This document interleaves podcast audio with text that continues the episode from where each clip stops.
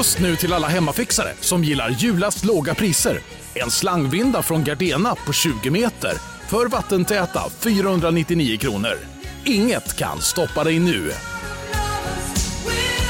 Om en sous på väg till dig för att du hörde en kollega prata om det och du råkade ljuga om att du också hade en och att den var så himla bra att maten blev så otroligt god och innan du visste ordet av hade du bjudit hem kollegan på middag nästa helg för att du sålt in din lågtempererade stek så bra att du var tvungen att beställa en på nätet fort som attan. Och ja! Då finns det i alla fall flera smarta sätt att beställa hem din sous vide på. Som till våra paketboxar, placerade på en plats nära dig och tillgängliga dygnet runt. Hälsningar Postnord. Det är den 6 januari 1975 och på vintrarna är alltid Nottingham det som brukar beskrivas som en rälig stad.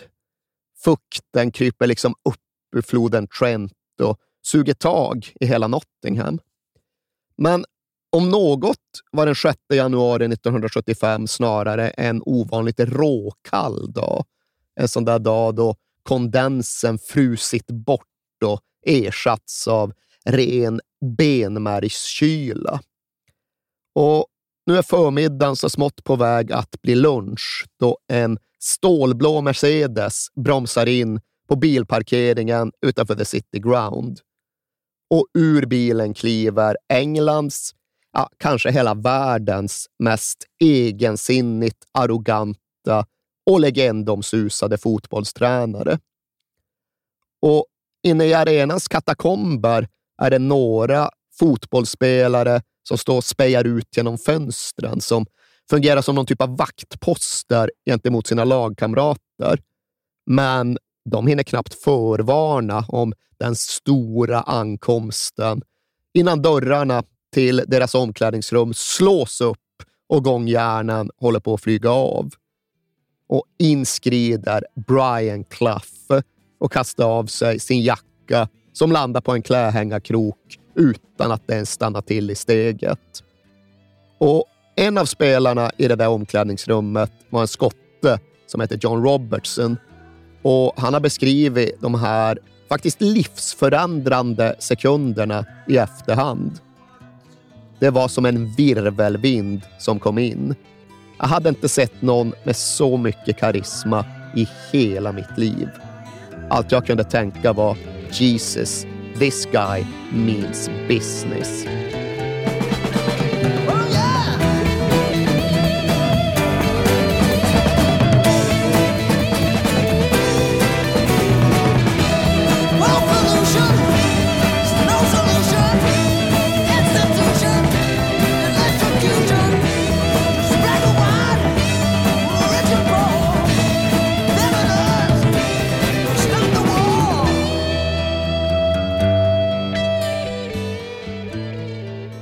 Detta är alltså precis i början av 1975. Men var befinner sig Nottingham Forest då?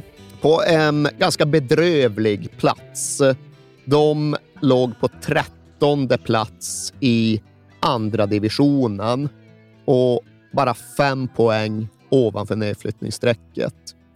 Hemma på City Ground var publiksnittet inte högre än 12 000 och det var faktiskt så att Nottingham Forest just hade förlorat derbyt mot Notts County.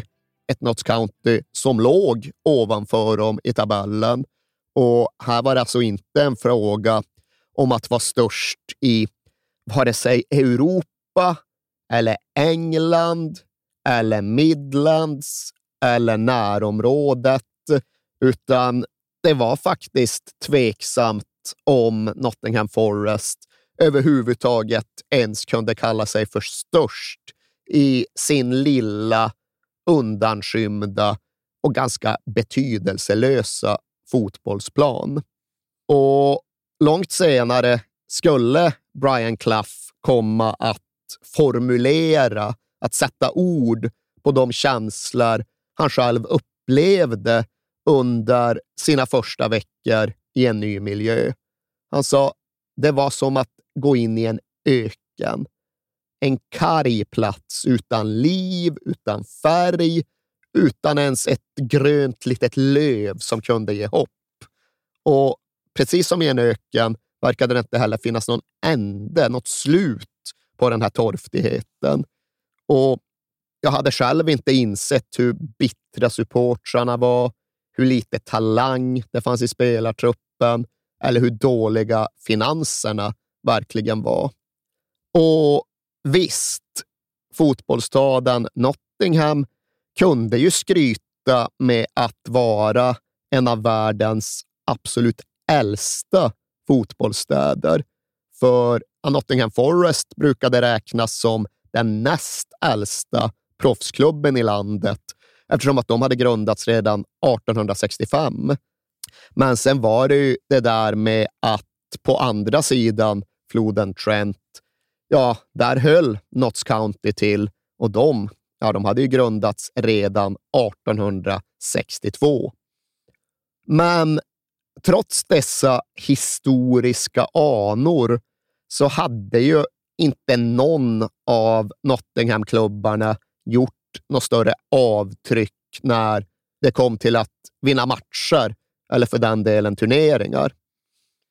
De hade varsin fa Cup-buckla från det sena 1800-talet. Och så hade faktiskt Nottingham Forest vunnit en till fa Cup i slutet av 1950-talet.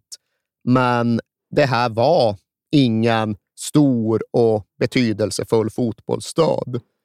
Nottingham, ja, det var ju en stad som var känd över världen, men det var ju för Sherwoodskogen och legenden om Robin Hood och sheriffen av Nottingham och för den delen kanske även författaren D.H. Lawrence. Men fotbollen, det var inget som förde stadens namn över stora vatten och över nationsgränser, utan fotbollen var begränsad till den här staden och de närmast sörjande. Och båda arenorna, ja, de låg ju på varsin sida. Det är väl de här som ligger så nära, bland världens närmaste arenor? Ja, men exakt. Jag har lagt ut ju... en bild tror jag också på... Vi hade väl någon gång den trivia-frågan mm. om liksom vilka professionella fotbollsklubbar som har sina arenor allra närmast varandra. Och det är Dundee i Skottland och, och så är det ju klubbarna nere i Avellaneda i Buenos Aires, alltså Independiente och Racing.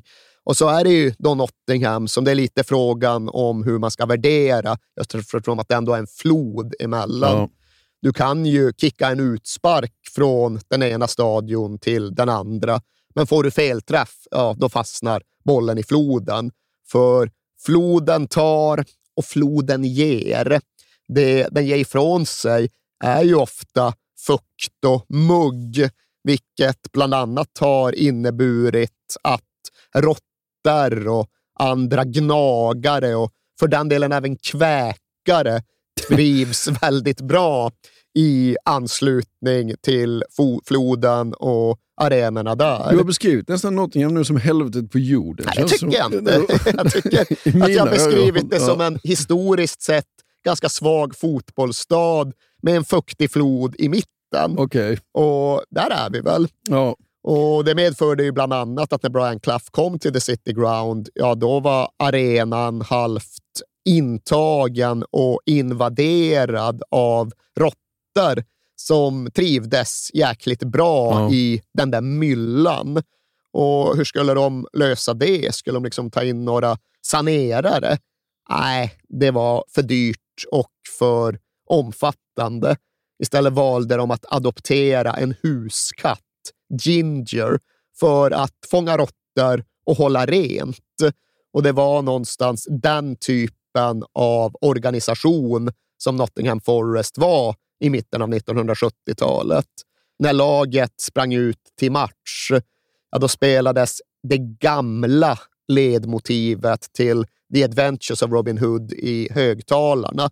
Och det är väl inte den där triumfatoriska typen av klubbhymn som de flesta vill ha och eftersträvar, utan det är ju en rätt lustigare gycklarmarsch.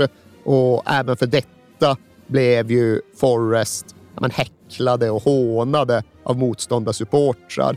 Vad är det här för bunch of merry men egentligen? Och den frågan ställde ju Brian Clough till både sig själv och till alla andra som ville lyssna under den här första tiden. Och allra mest kärnfullt summerar han det väl genom att helt enkelt påstå att Nottingham Forest har en enda sak som talar för dem och det är jag. Ja. Och som han har sagt i efterhand, alltså, det var inte så att jag skojade eller överdrev, utan Nej. det var min ärliga och uppriktiga mening. Ja.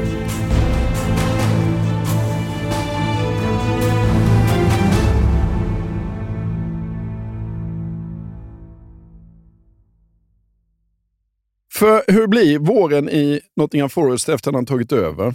Ja, det allra första som händer är att Brian Clough ska hantera ett omspel i FA-cupen mot The Mighty Tottenham Hotspur som då har varit uppe på City Ground och bara fått med sig ett kryss.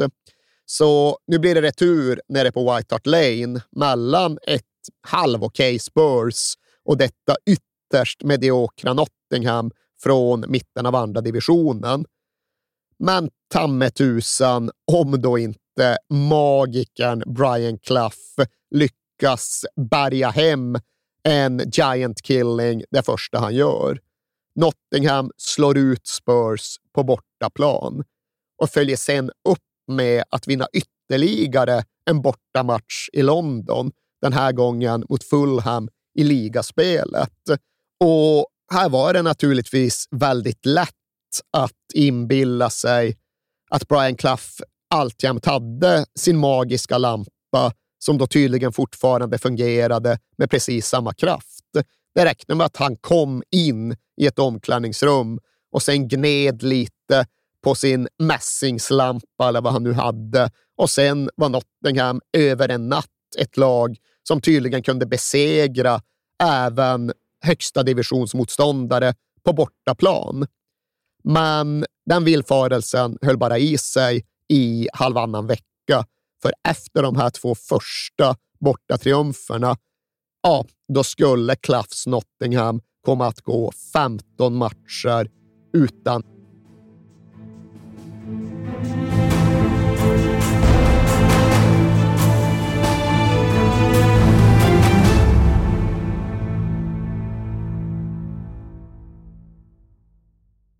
Jag vill inleda med att säga att det är garanterad jackpot på 13 miljoner på Stryktipset. Och fy fasen. Ja. Ja, visst. Skulle du behöva 13 miljoner eller? det skulle jag verkligen. Men vi måste säga först att vi är ju sponsrade av Stryktipset. Ett spel från Svenska Spel, Sport och Casino för dig över 18 år. Yes, och stödlinjen.se finns där för dig om du har problem med ditt spelande. Nej, men 13 miljoner jackpot på Stryktipset, det är ju inte fel. Nej, då är det faktiskt dags att ladda en rejäl rad här känns det som. Mhm. Vet du vad som inte heller är fel? Nej, Födelsedagsfirandet och alla härliga Mm. historier vi får in. exakt. Mm. För vi är ju mitt inne i Stryktipsets 90-årsfirande som vi firar med att läsa upp fantastiska historier från våra lyssnare. Yes. Som skickar in dem till kings at perfectdaymedia.se. Precis, bomba på nu. Det är åtta månader kvar på det här firandet, så att, eh, vi kör nu. Mycket Stryktipshistorier vill vi ha. Mm. Och i dagens har vi fått från Peter som skriver så här. Hej på er och tack för en helt otrolig podcast. Den har räddat mina veckor i snart fyra år. Tack så mycket Peter. Min historia är ganska färsk, men den om när det vänder på stopptid gav kanske inte de största pengarna. Men känslan i mig består. Jag spelar ofta för lite mindre pengar på Stryket, följer fotbollen men är långt ifrån en nörd. Och allt såg väldigt bra ut senast, förutom på min etta på Manchester United mot Brentford. Var, ändå väldigt, eh, var ändå väldigt nöjd med hur resten satt. Men på stopptid satte min nya favoritspelare, skotten McTominay, två mål och vändningen fullbordades. 64 rader blev 12 000 kronor. Tack för en bra Det är podd. otroligt. Ja. Tack för en bra historia Peter. Ja, och som man älskar Scott McTominay. Gör man inte det? Ja, det, gör man faktiskt. Han- Han liksom kommer in i straffområdet jävligt bra faktiskt. Mm. Vi säger stort tack till våra vänner på Stryktipset. Tack.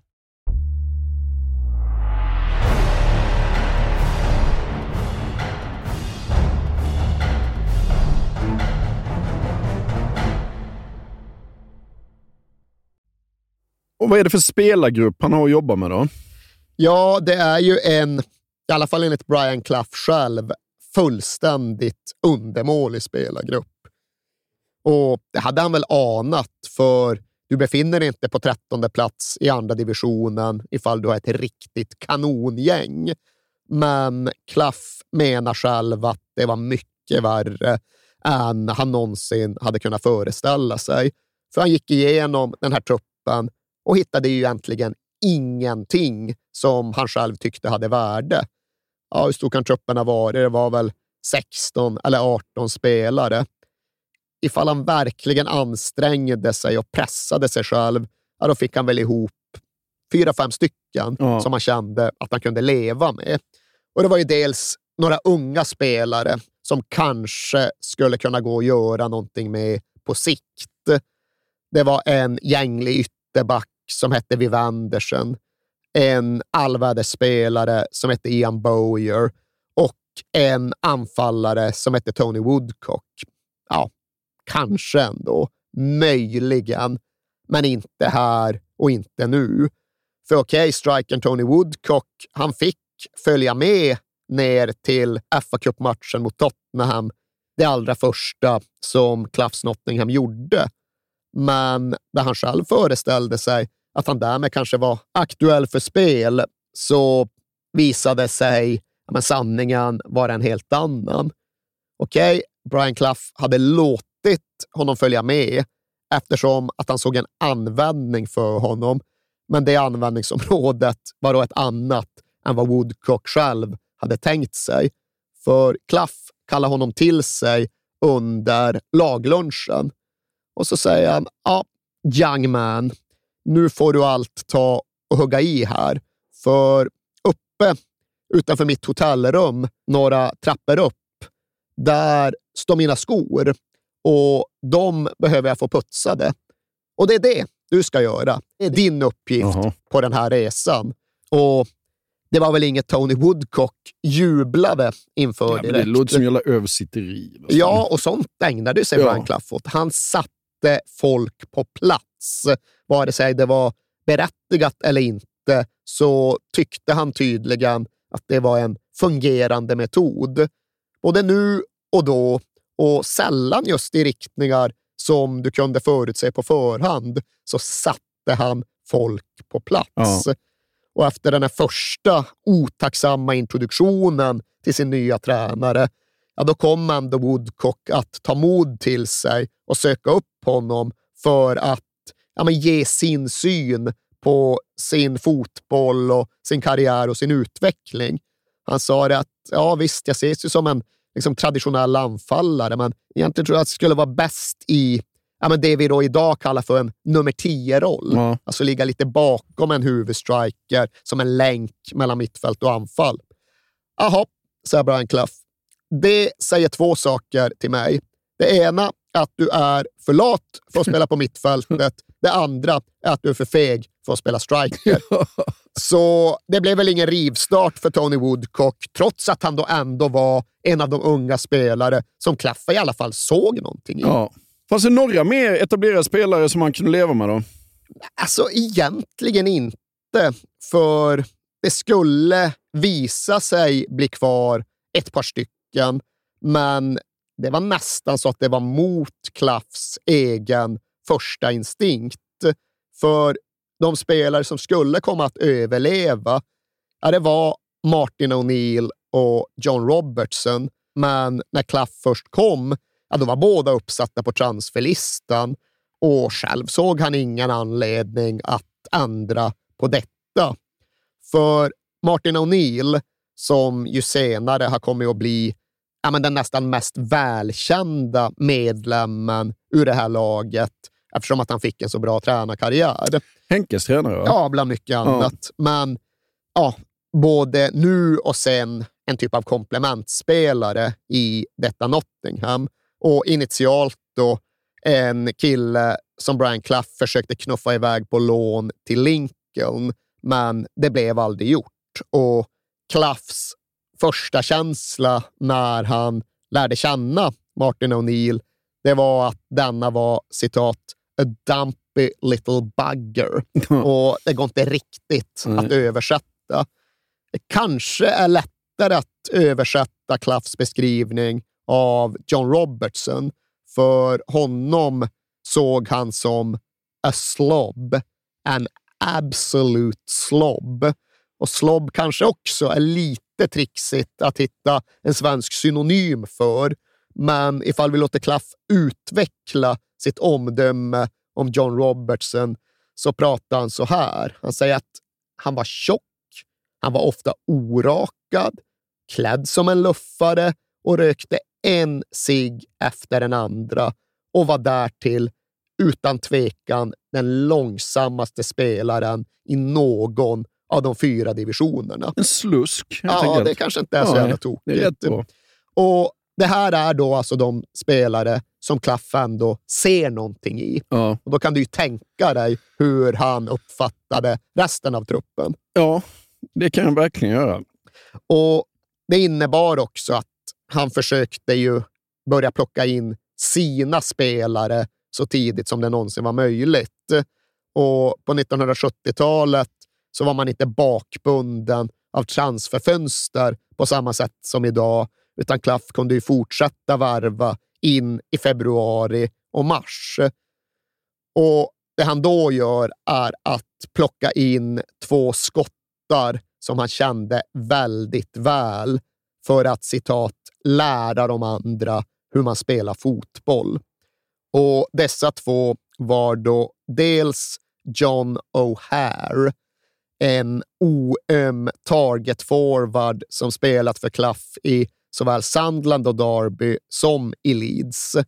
Men eftersom att han såg som en av Brian Cloughs gubbar så vantrivdes han i Leeds och gick nu gladeligen med på en 50-procentig lönesänkning för att kunna återförenas med Clough. Och John O'Hare skulle komma att göra en hel del nytta i den röda tröjan. Men ännu mycket större betydelse skulle John McGovern få. Han verkar ju Klaff ha älskat. Ja, det gjorde han. Ja. Han hade spelat för Clough i såväl Hartlepool som Derby och i Leeds. Och han beskrev Brian Clough som en fadersfigur för McGoverns egen pappa. Han hade minsann varit nere i Ghana för att smälla upp Voltadammen. Alltså var någon typ Ja. av dammbyggare. Och det tycks inte ha varit något ofarligt yrke på 1950-1960-talet, Nej. utan han förolyckades när han skulle hjälpa till att smälla upp Voltadammen i Ghana.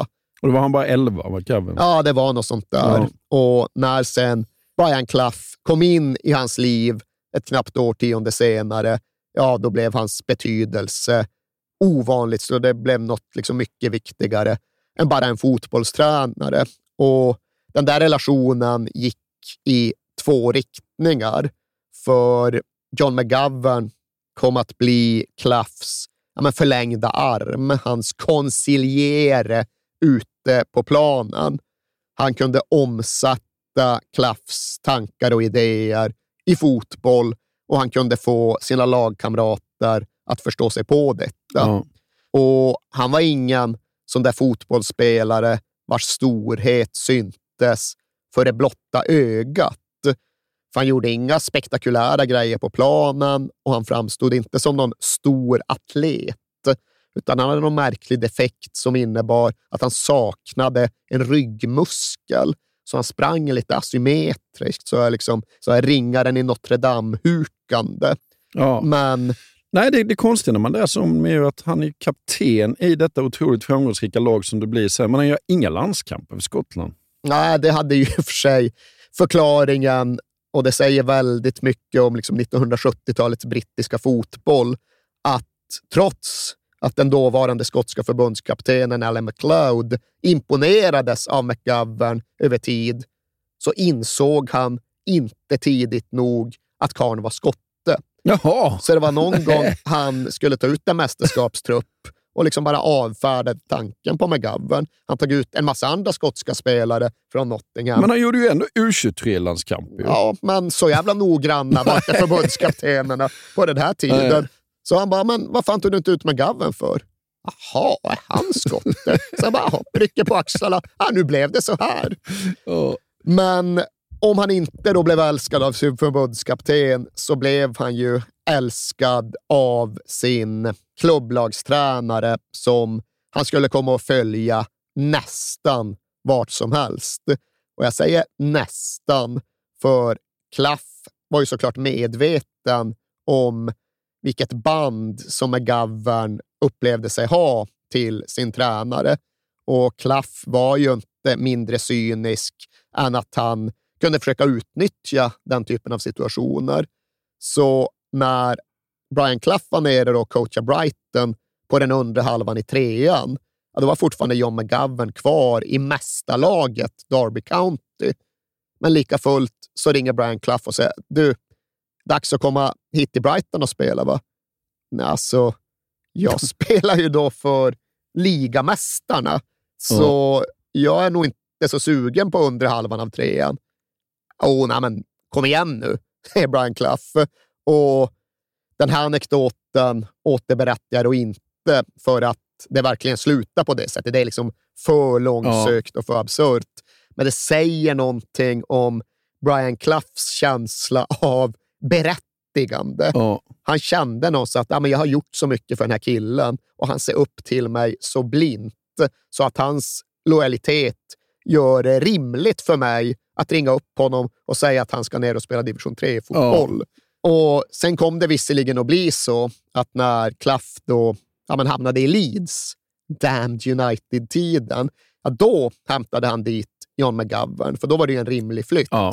Men precis som för John O'Hare, egentligen på ett ännu värre sätt än för John O'Hare, så buntades McGovern ja, men med rätt stor rätta ihop med Brian Clough. Så om du inte gillade Brian Clough, vilket ju inte någon annan av Leeds-spelarna gjorde, vilket inte Leeds-fansen gjorde, ah, då gillade du inte heller John McGovern. Nej. Och på så sätt var det nu möjligt för Clough att återigen ringa den där typen av samtal. Ja, du som tillhör Englands kanske bästa lag, ska du inte droppa neråt i divisionerna och spela för mig istället? Och den här gången så köpte faktiskt John McGovern premissen, för han trivdes så väldigt dåligt i ett fientligt Leeds United. Ja.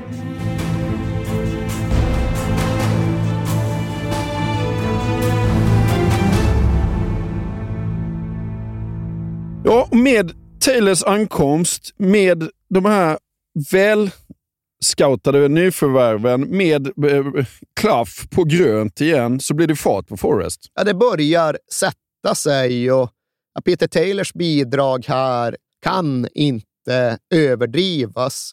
För nu hade han fått Klaff att gå med på att ge John Robertson en chans till, att uppgradera strikerpositionen, att ta in Larry Lloyd i mittförsvaret och därtill så övertygade han faktiskt Klaff om att ge Tony Woodcock Just en det. rejäl chans. För honom hade han ju över tid ändå avfärdat. Ja. Liksom, att, äh, han tror han ska spela tia. Liksom. Mm. Nej, inte här. Så han skickade iväg honom på lån till Doncaster. Men Taylor var där och kollade på honom, såg någonting där och nej, men, kanske inte nummer tio, men han kan funka tillsammans med Peter With ska inte säga att det är big man, small man, men lite så. Liksom. Jävla öga han hade. Alltså. Otroligt. Alltså. Och visst, det finns ju några idag bortglömda exempel på hur han tog in spelare som sen floppade. Jo, men, men det gör det ju alltid. Jo, exakt. Ja. Alltså, ration är ju ja, men 61 eller något i den ja. stilen. Och fingertoppskänslan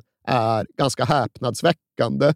Så nu har de inte bara en uppgraderad striker, nu har de en anfallsduo som fungerar. Och de här unga killarna som ändå hade blivit kvar, Viv Anderson, han tar kliv på ytterbacken, han tar stora kliv, både bokstavligt och bildligt. Och Ian Bowyer blir en typ av centralfigur för laget. Så nu börjar det ju faktiskt hända grejer. Nu börjar det finnas något på plats. En handfull spelare som var där redan när Klaff kom och sen ytterligare en handfull handplockade nyförvärv som tillsammans ganska snabbt smälter samman. Och hur får man en grupp att smälta samman i den engelska 1970-talsfotbollen? Man är på puben. Man är på puben. Man är för den delen på Greasy Spoon-restauranger och käkar dålig mat. Och de hade ett sånt ställe som hette McCays nära arenan och där bedrevs det teambonding. Där satt de och käkade och skrävlade och smälte samman. Och ägaren Bill på McCays fick ta in extra leveranser med pommes för att det käkades så jävla mycket feta chips där. Och ja, men redan 1976 så förstod väl folk att det här inte var optimal föda för elitidrottare. Men ja, det var ett pris som alla inblandade var beredda att betala. Okej, det kanske blir två extra kilo på den här mittbacken, men i andra vågskålen så byggs det laganda ja. och det är mycket, mycket viktigare. Och Nottingham börjar ju vinna matcher. De häver sig uppåt i andra divisionstabellen. De ligger på uppflyttningsplats vid nyår, men sen tappar de både fart och riktning. Sen förlorar de en match, så förlorar de en match till och därefter så ligger de under hemma mot Southampton och är utspelade, verkar liksom helt geistlösa tills floden Trent faktiskt gör lite nytta. Floden Trent kommer till undsättning för den tjocka dimman som ofta uppstår där. Den kom nu rullande in över stad och North City Ground så gott som omedelbart. Och det är vanligt att det kommer dimma från Trent, men nu var den tjockare än egentligen någonsin tidigare. Det var omöjligt att fortsätta matchen, så den blev avbruten och uppskjuten och därigenom får Nottingham Forest lite respit under sin formsvacka. Men samtidigt får klubben även ett annat parallellt problem som potentiellt är mycket större. För det, detta hotar ju allt det som nu har börjat byggas och falla på plats. Detta tycks innebära att idén om Brian Cloughs och Peter Taylors nya Nottingham ja, tar slut innan den riktigt ens har hunnit börja. Och vad är det? Ja, det är ju rätt och slätt att Derby County hör av sig och vill glömma gamla oförrätter och gammalt groll. De erbjuder rätt och slätt Brian Clough att återvända till högsta divisionen, till klubben där han redan vunnit ligan, till klubben där han har lite ouppklarade affärer ute i Europa. Och Klaffs första känsla är vi kör. Mm. Absolut. Nottingham kanske kan bli något hyfsat över tid, men Derby, där vet jag ju vad som finns. Där vet jag vad jag får. Där är jag älskad, där är jag dyrkad. Där finns det större resurser. Det finns väl inga argument emot egentligen. Men klubbarna ligger så jäkla nära varandra. Är det inte ont blod mellan dem? Absolut. Det måste alltså, vara ett jävla liv ju. Ja? Jag är inte helt klar över exakt hur det var på 1970-talet, men idag är det ju det som är Nottinghams stora derby. Ja. Alltså Notts County möter de ju aldrig, utan Nej. det är Nottingham Forest mot Derby County som är derbyt, hatmatchen, ja. verkligen. Och rivaliteten fanns redan på 70-talet, men tycks väl inte ha varit riktigt så infekterad. Jag läste någonstans att när han hade så stora framgångar med Derby, ja, men då 10 000 av Nottinghams fans kom till Derbys matcher istället. Och nu skulle liksom de komma tillbaka till Nottingham. Ja, jag vet inte fan om jag tror på det fullt ut. Men rivaliteten är jag rätt säker på att den existerar och att den var ganska kraftfull, men det skulle ändå vara möjligt att genomföra. Han skulle inte behöva livvaktsskydd för all framtid, men han insåg såklart att ja, han brände i så fall alla broar tillbaka till Nottingham. Mm. Han skulle ju liksom inte kunna gå på The Market Square och skaka tass med invånarna i stan ifall han genomförde den här flytten. Men det tycks ha varit ett underordnat argument, utan Klaff satte sig i möten med Derby-ledningen och kom överens. De skakade hand, de skålade i champagne, de var överens om att nästkommande dag så ska allt knytas ihop och offentliggöras. Och därefter är lite frågan vad som egentligen händer. Det finns vissa versioner som gör gällande att Klaff vaknade upp och hade så jävla ont i huvudet av all champagne att han kände att allt som bestämdes igår måste ha varit en dålig idé. Det finns andra versioner som går ut på att det egentligen är hans fru Barbara som övertygar honom om att tänka om. Ja, men kom ändå ihåg hur du upplevde att de behandlade dig senast. Kom ändå ihåg hur jävla gnissligt allt var under lång tid. Och glöm för den delen inte bort att Nottingham Forest faktiskt har givit dig en chans här. Och ja, hur det nu än var så kommer kursändringen i elfte timmen. Det var verkligen liksom dagen som skiftet skulle ske och liksom allt fanns på plats. Det Vet fann... du om de skulle ta med Peter Taylor då också? Ja, ja, han skulle med. Han skulle med han skulle också, med. ja. Och det är också liksom någon del av det här att det finns någon som menar att ja, antingen var det Klaff som drev på Taylor som inte riktigt ville, Mm. eller så var det Taylor som drev på Klaff som inte riktigt ville. Men det synkade kanske inte hundra där heller. De hade lite olika syn på det. Och när allt kom kring så blev det inget klubbyte. Men återigen, inte så här en lite trevande sondering som viftades bort så fort den gjordes, utan näve hade skakats, glas hade skålats, liksom överenskommelsen var klar Ja. och sen hävdes den för att Brian Clough av en eller annan anledning ångrade sig. Och det var ju det stora som skedde. Medan det lilla, men lika fullt ändå betydelsefulla, var att Nottingham fick en chans till att spela den här matchen mot Southampton. Att de fick lite respit när spelet hade gått helt i baklås och att de utnyttjade den här lilla vilan till att dels då besegra Southampton och dels att hitta tillbaka till sig själva. Och vi ska nu inte påstå att de flyger fram genom våren, utan under den allra största delen av säsongsavslutningen så verkar det troligare att de ska missa uppflyttning än att de ska klara det. Men till sist så gör de precis det som behövs och de har därtill tur med resultaten i andra matcher. Och till sist så står de i tacksamhetsskuld till Wolverhampton Wanderers som besegrar Bolton i ett skede av säsongen då Nottingham själva redan har spelat klart. Och de har liksom dundrat iväg på sin säsongsstängarresa till Teamresa till Mallorca, va? Ja, exakt. Sin säsongsstängarresa till Mallorca när de nås av glädjebeskedet. Wolves har slagit Bolton. Ni har gått upp i högsta ligan trots att ni bara tagit 52 poäng på 42 matcher. Och ja, ni kan därmed släppa bästen inom er fria på den här Mallorca-resan och sen återvända lite kantstötta till en sommar och en försäsong som ska göra er till ett konkurrenskraftigt högsta divisionslag.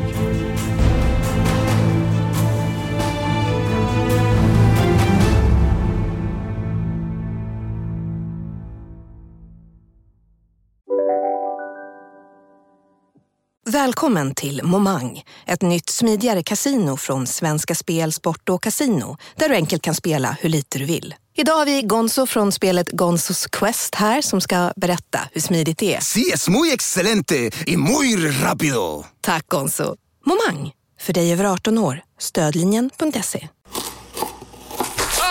Dåliga vibrationer är att skära av sig tummen i köket. Ja! Bra vibrationer är att du har en tumme till och kan scrolla vidare. Alla abonnemang för 20 kronor i månaden i fyra månader. Vimla! Mobiloperatören med bra vibrationer. Just nu till alla hemmafixare som gillar julast låga priser. En slangvinda från Gardena på 20 meter för vattentäta 499 kronor. Inget kan stoppa dig nu.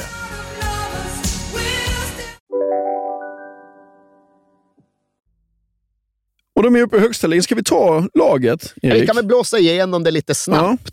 Och ifall vi börjar bakifrån så var det fortfarande en egen kille som hette John Middleton som stod i mål. Och honom har vi inte nämnt hittills, trots att han också tillhörde det här halvdussinet som fanns i klubben när Klaff kom dit och som sen blev kvar ett tag. Men här var i alla fall Peter Taylor tydlig med att vi kan inte förblindas av att han är egen och av att fansen älskar honom och att han har liksom fått göra några U21-landskamper. Han är okej, okay, men han är inte bra nog. Nej. Vi måste uppgradera här, men vi kan tillåta oss att vänta på rätt tid. Han är inte så dålig att vi måste panikvärva, men mm, här behövs det fortfarande förstärkning. Ja. Så Middleton hängde löst, men framför honom hade då försvarslinjen satt sig. För Larry Lloyd och Kenny Burns, ja, de har vi redan konstaterat att där hade de fått till det. Ja. Där hade de hittat rätt. Och sen har vi nämnt unga egna Viv Andersen på högerbacken. Och han var ju någon sorts modern ytterback. Ja. Jäkla löpkapacitet, atletisk, kunde liksom dundra upp längs kanten och överlappa. Och var redan i det här skedet ja, men tydligt ämnad för stora ting. Ja. Och på andra ytterbacken till vänster då Frank Clark, den här från andra änden av spektrat. Han var inte ung och frejdig och offensiv, utan han var ju gammal och ganska trög, men väldigt erfaren och pålitlig. Och de hade gjort helt rätt bedömning, eller Brian Clough hade gjort helt rätt bedömning, att Newcastle United kasserade honom alldeles för tidigt. Han hade tre, fyra säsonger kvar i kroppen och den klarsynen blev verkligen viktig för Nottingham, för Frank Clark blev viktig för Nottingham. Ja. Eh, och sen mitt, vi spelar 4-4-2 antar jag. Det är klart ja, att vi spelar 4-4-2. Alla gjorde väl det, ja. Och en ganska konservativ typ av 4-4-2. Det var visserligen så att Brian Clough såg på sig själv som en apostel för fotboll spelad på rätta sättet. Han hade ju den där sägningen om att ja, hade Gud velat att fotboll skulle spelas i luften, då hade han planterat gräs i himlen. Mm. Men själv företrädde han då ja, men en passningsorienterad fotboll där bollen gick längs gräset. Och ja, kanske det. Kanske i jämförelse med rätt många andra i den engelska 1970-talsfotbollen. Men det var ju absolut så att klaffa tryggare med ett rakt jävla uppspel ja. från backlinjen som passerade mittfältet än han var med någon Kenny Burns som skulle skära någon maskerad passning till mötande inne mittfältare. Ja. Grunden var ju snabbt upp med bollen på target-forwarden. Han förväntas kunna suga fast den. Det var Klaff väldigt noga med att han behövde forward som kunde suga in bollen. Och sen väntar han in ett mittfält som fyller på och därefter börjar Forrest spela. Och det spelet, ja, det var ju rätt mycket. Få tag i bollen, skicka ut den till John Robertson på vänsteryttern. Get the ball to the fat guy. Ja, exakt. Ja. Låt honom göra sina grejer ja. och sen har vi folk i boxen när inlägget kommer. Och på så sätt var lagbygget en aning ovanligt. För de allra flesta hade ju sin bästa, viktigaste spelare som antingen innermittfältare eller striker. Men Nottingham hade sin superstar ute till vänster och anfallsmönstren, ja, de gick rätt och slätt ut på att get the ball to the fat man. Fram med bollen på Peter With, som då var den stora, tunga anfallaren och få honom att hålla i den. Och sen kommer Ian Bowyer eller John McGovern eller för den delen Martin O'Neill och ser till att få ut bollen till Robertson. Och, alltså Robertson, Robertson eh, från det vraket han var till att ha den här rollen. Ja, verkligen. Sen följde ju liksom inte riktigt bilden av Robertson med i takt med hans uppsving. För alltjämt så tittade de flesta andra på honom och såg inget speciellt.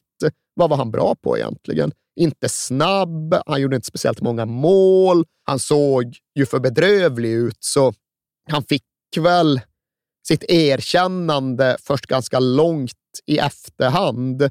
Men för Claff och Taylor var det ju solklart. Det var han som var nyckeln till allt de försökte göra. Och liksom Martin O'Neill, han spelade ju egentligen då i samma roll som Robertson. Han var högerytter, Robertson var vänsterytter. Men i realiteten såg arbetsbeskrivningen helt annorlunda ut. O'Neill han förväntades ju snarare fungera som en tredje innermittfältare, för utanför honom ja, där kunde vi Wendersson skena fram och då skulle han ha bollen. Men annars var det ju bara ut med den till Robertson. Han ska göra grejer. Du ska inte göra grejer. Du ska vinna boll och sen ska du ge bort den så snabbt du någonsin kan. Och det hade ju Martin O'Neill rätt stora problem med. Ja. Han trodde högre om sig själv. Men det var väl också eh, att Robson, de har ju sett vad han var bra på. Han behövde inte ta lika stort defensivt ansvar. Han behöver inte vara någon löpare där på kanten, utan gör det du är bra på när du får bollen. Liksom. Exakt, han fick den friheten och sen fick alla andra lov att spela för honom. Ja. O'Neill kanske gnisslar lite, men John McGovern och Ian Bowyer på innermittfältet, de hade inga problem med det. De var jättelojala mot spelidén. Och ingen av dem trodde ju heller att de var Michel Platini, Nej. utan de gjorde det de var tillsagda och fyllde i där det behövdes. Ian Bowyer, han var ju ja, det vi i Sverige känner som en Magnus Erlingmark-figur. Han ja. kunde användas till precis vad som helst och löste det bra. Han skulle komma och ha alla tröjnummer mellan 1 och 11 under sin tid i Nottingham. Och det här är ju tiden då ett tröjnummer även avspeglade en position på planen. Ja. Hade du nummer två så spelade du högerback. Hade du nummer elva så spelade du ytter. Hade du nummer åtta så spelade du inne mitt. Och vanligtvis var det det Bowyer gjorde, men han kunde också göra allt det andra. Ja. Och sen då på topp, ja, men som vi har varit inne på, lite big man, little man. En stor jävel som möter boll och håller fast den en snabbare, mer rörlig forward som kan dra på djupet, som kan vara flink i att snappa upp förlupna bollar, som kan gå mot första stolpen kvickt ifall Robertson får för sig att slå boll på den ytan.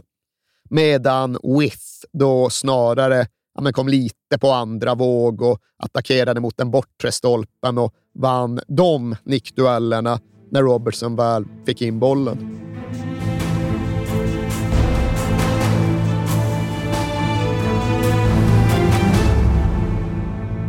Det går ju väldigt bra, men det finns ett vägskäl till där allting har kunnat ta slut. Va?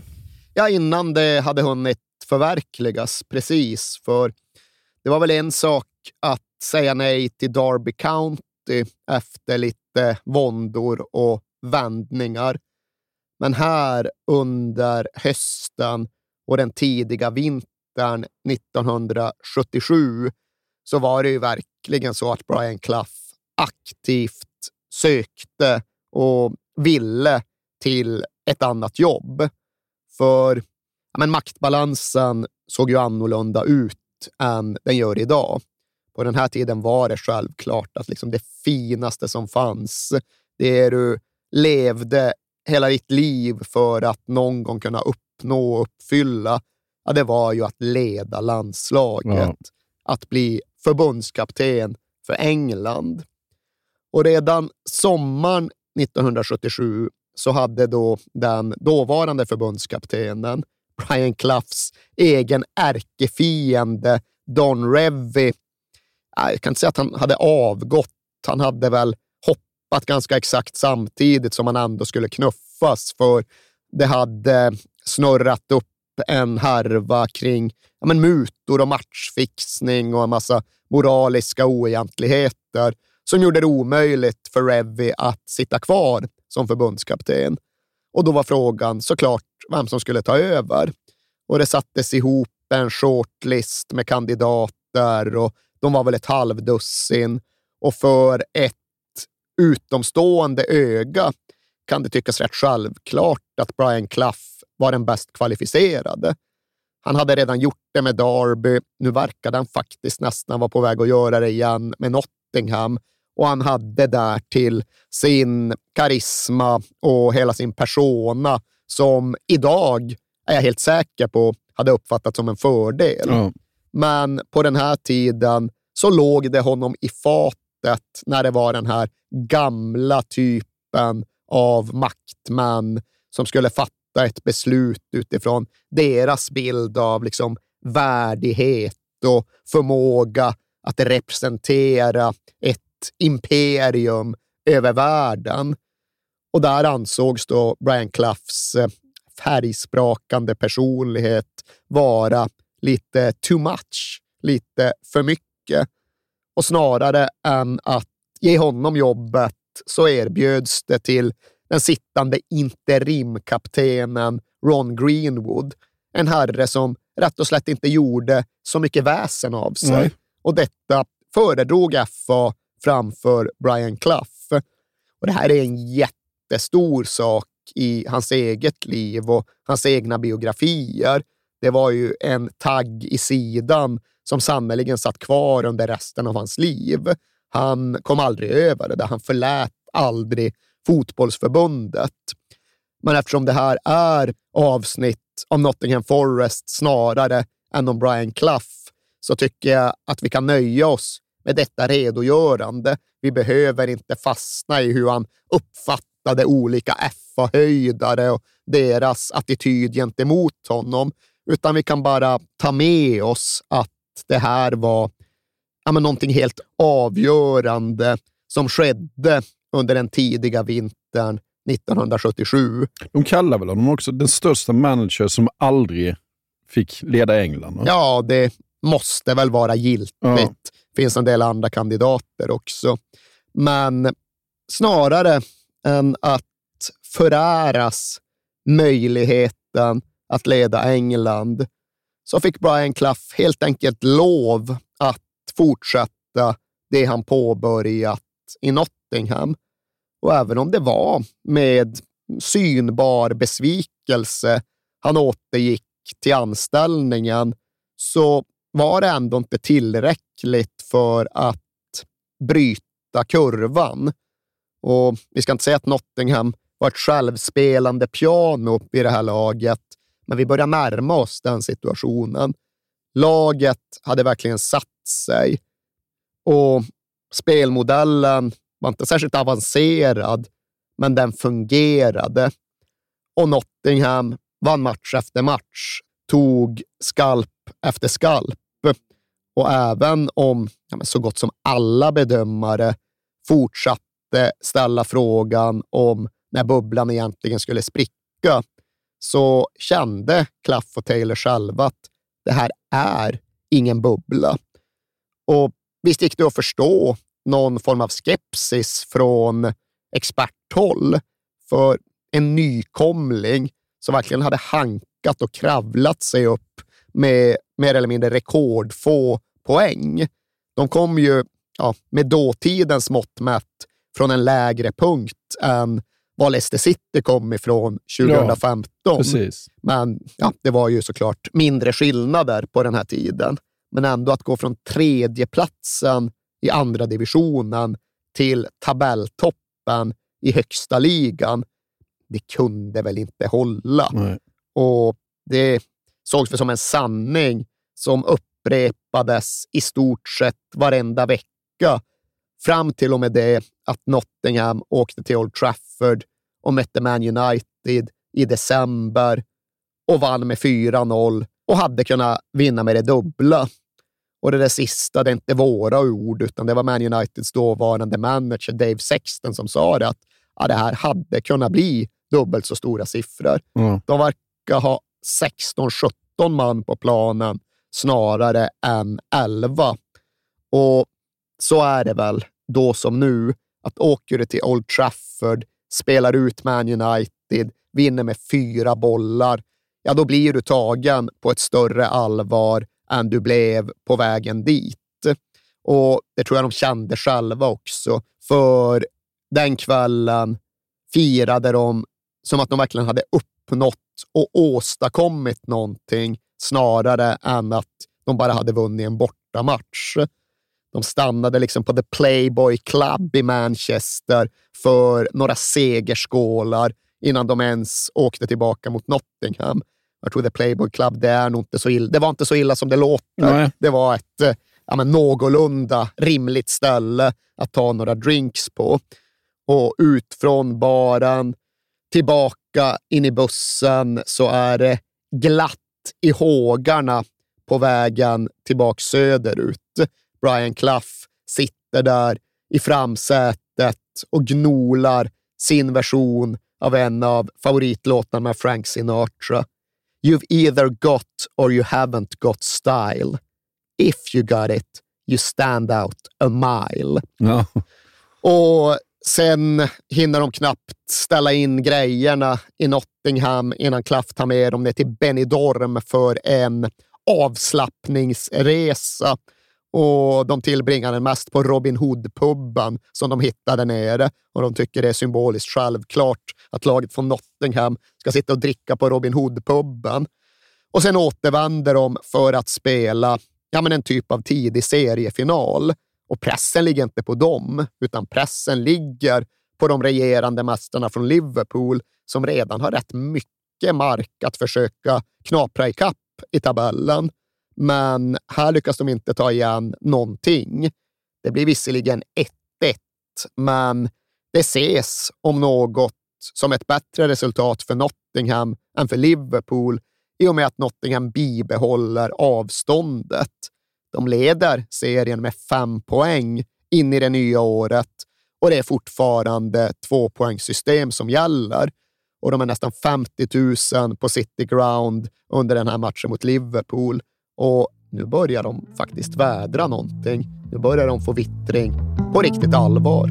Gå med mig Bakom skuggor ser du solen